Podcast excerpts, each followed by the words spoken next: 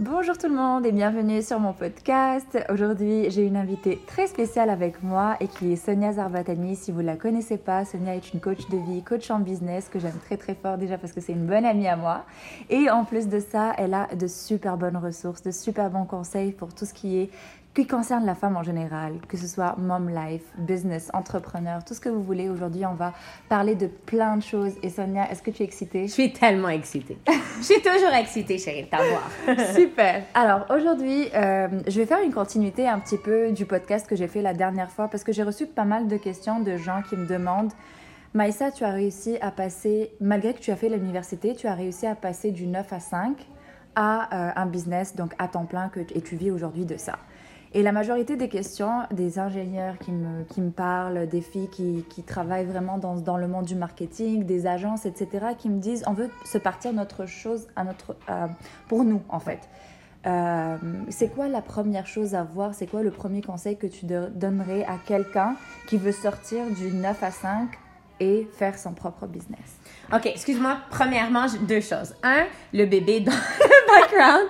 J'ai mon petit de deux ans et demi qui a pas, qui a, qui a pas eu le mémo que c'est le temps de faire, de, de faire dodo, alors on entend le bébé. Numéro deux, c'est que je vais faire de mon mieux de parler en français, mais ma, ma première langue, c'est l'anglais. Alors, si j'ai des anglicismes, euh, c'est pas grave. Il faut m'excuser, mais je vais faire de, mon mieux et, euh, et on, on, commence avec ça. Alors, premièrement, je trouve que c'est une, une question fantastique. C'est une question qui, euh, que tellement de gens sont en train de, de vraiment travailler parce que 2020, c'est vraiment entrepreneurship. Tout le monde veut passer, ils ont une business qu'ils ont toujours voulu faire ou un passion, une, uh, like a passion project qu'ils aimeraient euh, faire et peut-être ils sont pas heureux dans leur business, peut-être que ça fait tellement de temps qu'ils font ça et ils se disent ils veulent plus. Ils veulent plus et peut-être 2020, maybe January, maintenant c'est le temps de se dire, tu sais quoi, pourquoi pas maintenant?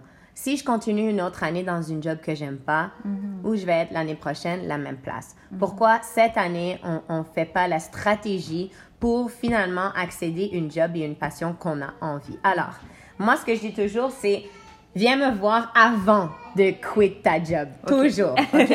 Parce qu'il y a une stratégie à, à de, de, de, comment on dit quit ta, ta de quitter son de job. quitter son job. Il y a une stratégie. Ne fais pas juste arriver puis te dire, tu sais quoi, I'm over it. Je veux euh, commencer ma, ma business de, de qui ça soit de- d'entraîneur privé, de coaching, de tu veux ouvrir une galerie d'art, tu veux, peu importe c'est quoi ta prochaine business.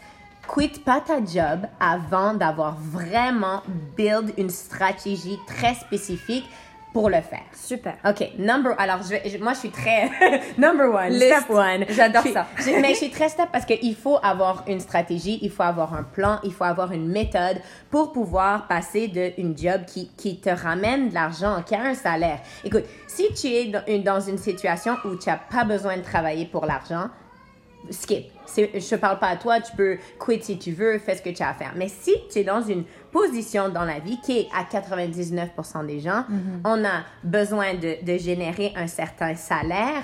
Euh, tu as une famille, tu as des enfants, tu as, des, tu as du mortgage, des, des, Des rent, dépenses. des dépenses des, des, qui sont importantes. Tu peux pas juste passer de faire, je sais pas, ton 60, 70, 80, 100 000 par année à, oups, viens, on quitte et puis on espère le mieux. Tout à ça fait. marche pas, OK? Alors, On corrige ça tout de suite dans on les corrige mentalités. ça tout seul. Puis Par contre, pour mes plus jeunes, pour mes students, mes étudiantes, mes, mes filles qui ont 20 ans, qui habitent chez leurs parents, c'est maintenant de le faire. Si tu n'aimes pas ta job, là, tu peux prendre des grands risques. Oui. Prends-les les risques. Sois intelligent dans tes risques, mais prends tes risques maintenant.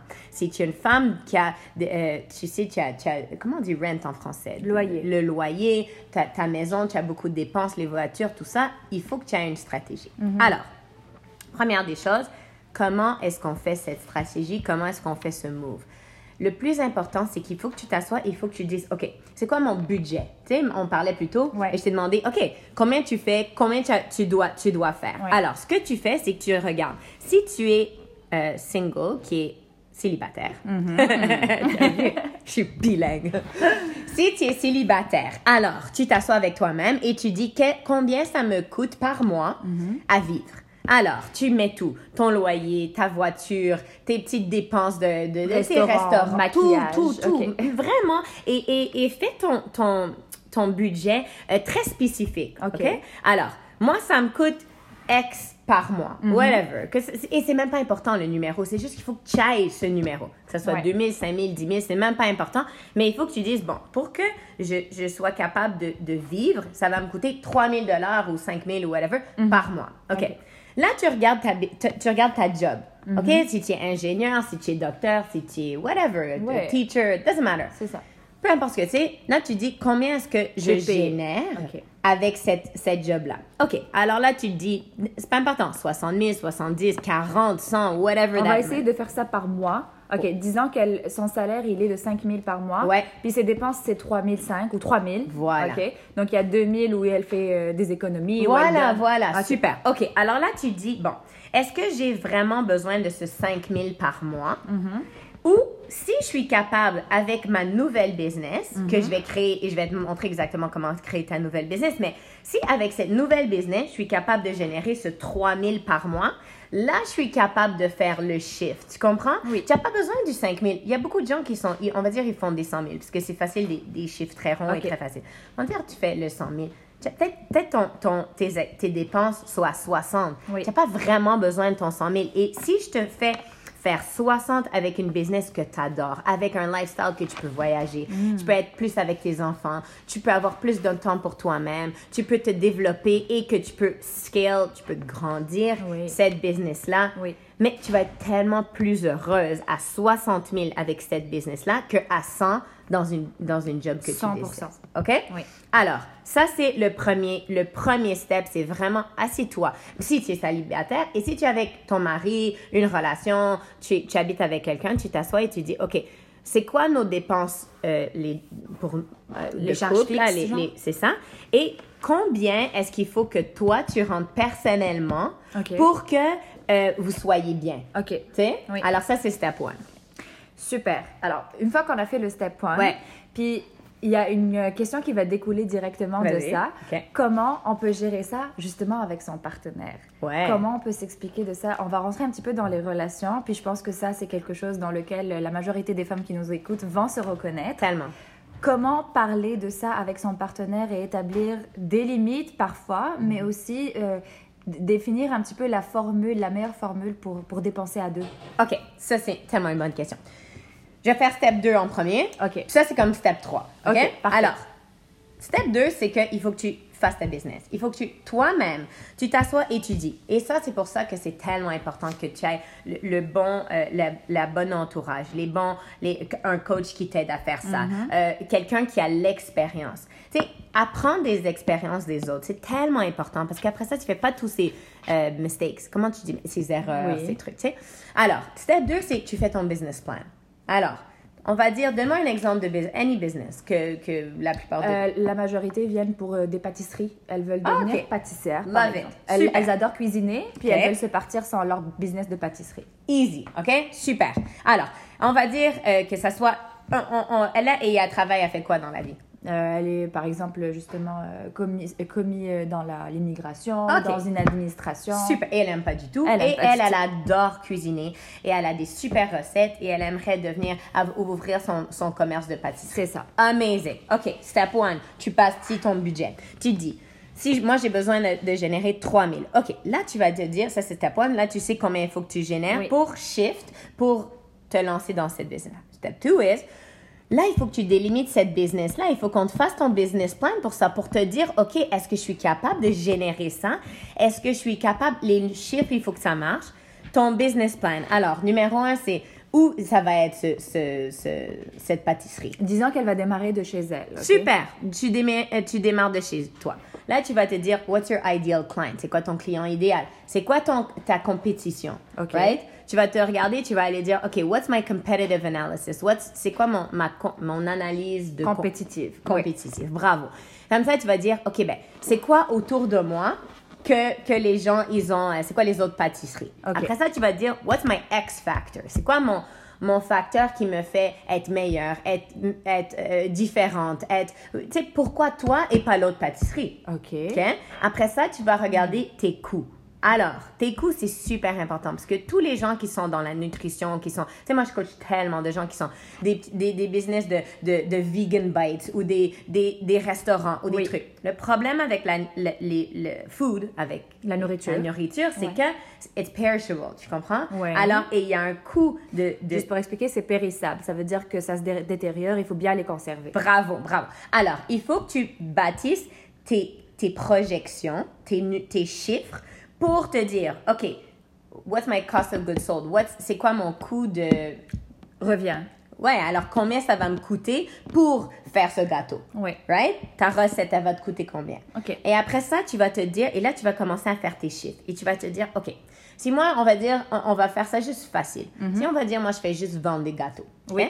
Combien de gâteaux je dois vendre pour faire mon chiffre d'affaires de 3000 par mois. D'accord. Right? OK. Alors là, tu comprends comment, là, on va avoir un, un businessman qui est clair, qui va dire, OK, le mois 1 et 2, tu vas avoir sûrement ça, tu vas pas générer comme ça. C'est sûr. Mais il n'y a pas de problème parce que, avec ton exemple, tu as déjà peut-être des, des, savings ou des trucs. Ça va, tu, vas, tu vas devoir investir. D'accord. Il n'y a pas de problème. Mais après ça, tu vas te dire, mois 3, mois 4, mois 5, combien de gâteaux je dois vendre, comment je dois les vendre, comment... Alors là, tu vas avoir un business qui est super structuré. Tu comprends? Mhm, oui. Une fois que tu vas avoir cette recette qui est structurée, qui dit, OK, moi, mois 1, mois 2, je vais pas faire d'argent. Par contre, je vais adorer, je vais, je, vais, je vais investir, je vais faire mon marketing, je vais faire mon branding, je vais trouver mes clients, tout ça. Mois 3, là, je commence à vendre. D'accord. OK? Une fois que tu vas avoir cette stratégie très claire et que tu vas monter ton business plan et que tu vas monter tes, tes chiffres. OK? Là, on va aller au step 3. Et là, on va revenir dans ta relation. OK. OK? Super. Fais pas ton, ta discussion avec ton mari, avec ton, avec ton mec et tout ça avant d'avoir fait ta recherche. D'accord. Parce que le problème, et moi je vais dire, les hommes, ça parle pas, c'est pas la même chose que les femmes. Tu veux parler de ton excitation et comment tu veux faire des fucking gâteaux, appelle ta copine. Viens pas. Non, mais c'est vrai. Arrête vrai. de, de. Parce d'accord. le problème, c'est que toi, tu es avec ta belle excitation, ton belle énergie, avec toutes les trucs. Tu vas aller voir ton copain, tu vas lui dire, OK, maintenant, j'ouvre une pâtisserie. Mais là, c'est peut-être ta cinquième idée, là, en trois mois, là. Puis que là, ton mari va dire, arrête avec tes conneries, tu fais ton 100 000 avec l'immigration, que tu vas aller faire 3,50 right? C'est ça. Alors, arrête de, de toujours... tu vas devenir grosse tellement tu goûtes. Tu vas être une patate. Moi aussi, je vais être une patate. Avec- il va avoir des gâteaux partout ça, avec une dé- Alors, ici, tu veux pas entendre ça. Fais ta recherche avant, ne lui dis rien. Juste lui dis, tu sais quoi, je travaille sur ça, je fais mon business plan, j'ai pris un coach qui va m'aider à faire ça. J'ai fait, et là, il va dire, waouh, ma femme, elle a une stratégie. Ma femme, elle a une méthode pour arriver à quelque chose de vraiment sérieux. Parce qu'une business comme ça, ça va te coûter de l'argent. Tu vas avoir de l'inventaire, tu vas avoir le... Alors, lui, ton mari ou ta femme ou peu importe qui, qui est avec toi, ils veulent être sûrs que tu fais une bonne décision. Parce que peu importe la job que tu as, c'est une sécurité. Vrai. Ça te donne des, euh, des bénéfices. Ça te donne des, des, euh, des Des vacances. ouais. C'est ça, des, des avantages, des vacances payées, des trucs. Ça te Des donne assurances. tout. Ouais. Et là, tu rentres dans l'inconnu. Mm. Et si tu n'es pas entrepreneur, si tu n'as jamais eu de business avant, tu as, tu as cette insécurité de comme, am I gonna make this? Est-ce que ça va fonctionner pour moi? C'est vrai. Right? C'est exactement Alors, ça. Fais step one, ton budget. Step two, your business plan, tes projections, tes, tes, tes chiffres pour être sûr que ça va marcher. Et ensuite, tu parles à ton mari, ton copain, ton truc, puis tu lui montres ton, ton document. résultat. Et tu lui dis, regarde, oui, le- euh, les mois 1 et 2, ça va être très difficile, tu as absolument raison. Par contre, le mois 3, 4 et 5, voilà comment je fais. Et ça, ça fait une discussion qui est une discussion qui a montré que tu as fait ton travail. Ouais. Tu as montré que tu es sérieuse avec cette business. et Ça mon- rassure. Ouais. Oui, ça Et off le uncertainty. Ça va et ça va te dire- rassurer toi aussi. Oui. Parce que tant et aussi longtemps que notre passion, que notre, notre tu sais, cette, cette business qu'on a envie de faire, c'est juste une envie Hmm. et c'est pas, on l'a pas dit, on l'a pas mis sur papier, on n'a pas vu, ok, les recettes, ça va me faire comme ça, je vais faire euh, tant d'argent par année, je vais être correct avec cet argent-là, mon lifestyle, il va être comme ça. Il faut vraiment que tu travailles ce business model et que tu travailles le lifestyle aussi. Parce que regarde, moi, ma, ma business de coaching, là, ça, oui, ça a explosé de partout, on fait des retraites, on fait tout, mais c'est deux ans, là, de, de Travail travail de ouais. malade, mais j'adore qu'est-ce que je fais. Oui. Donc, pour moi, mais tout le monde qui me regarde, il dit, tu es une malade mental. Tu dors pas, tu as les enfants, tu as tout. Alors, il faut vraiment que tu aies une stratégie pour dire, c'est ça que je veux faire.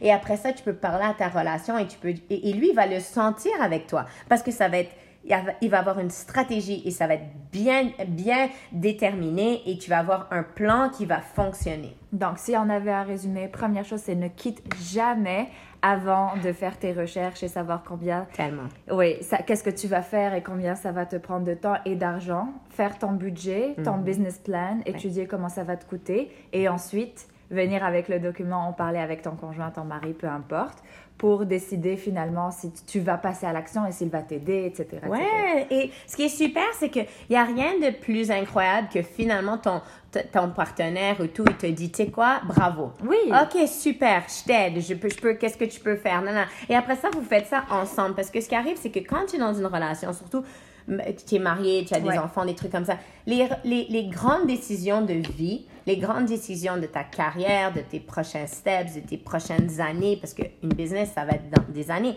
Et le meilleur, c'est si tu peux partager avec, avec la personne. Alors, c'est vraiment de rentrer avec ton conjoint et te dire, voici pourquoi je veux faire ça. Je vais être plus heureux. Nos enfants vont être heureux. Ça montre que tu veux qu'il soit partie de ça aussi. Oui, il fait partie de ta vie, puis tu veux vraiment faire une vie meilleure. Et c'est vraiment, je pense que ça, ça n'a pas de prix.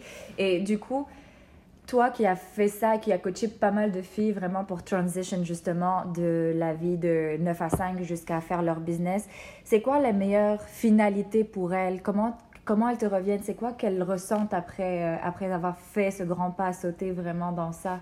Moi, je trouve que, cette, cette année-là, j'ai fait mon calcul, j'ai coaché 520 personnes. Wow! 520 en une année. OK?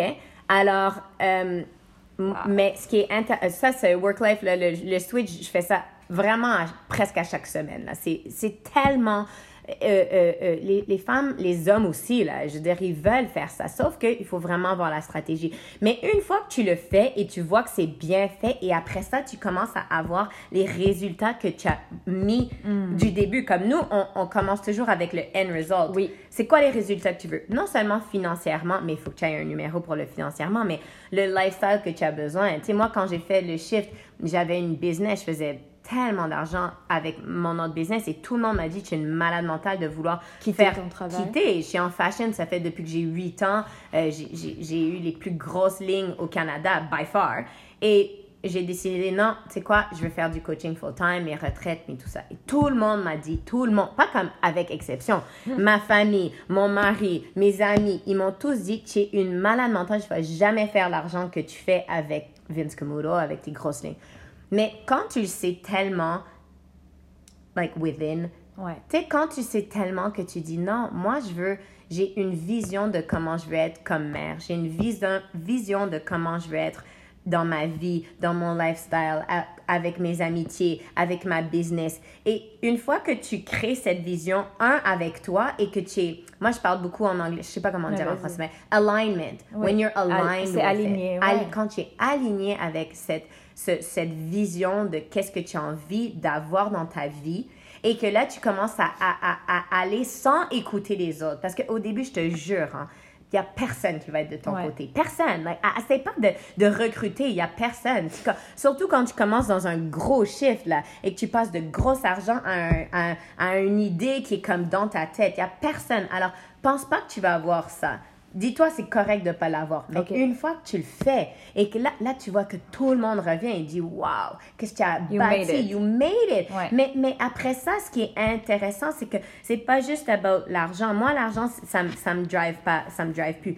C'est impact, c'est l'impact que je fais dans la vie des autres. Moi, c'est ça qui me, qui, me, qui me lève le matin, qui me fait pas dormir la nuit. Ton why. 100%.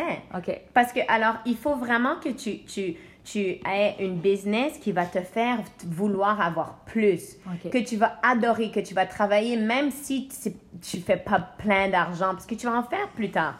Si tu es vraiment, if you're hungry, si tu as faim et tu sais que c'est la business que c'est le c'est le it's the gift that you were given. C'est c'est le c'est le cadeau que on a chacun mm. un a purpose, on a chacun une passion et on a chacun un cadeau. Donc c'est à nous à vraiment se réveiller de dire qu'est-ce que je dois vraiment faire qui va non seulement me faire tellement être heureux, mais à impacter les autres dans ma vie aussi. Donc, c'est ça la motivation intrinsèque, justement. Euh, merci Sonia, c'était vraiment super fructueux.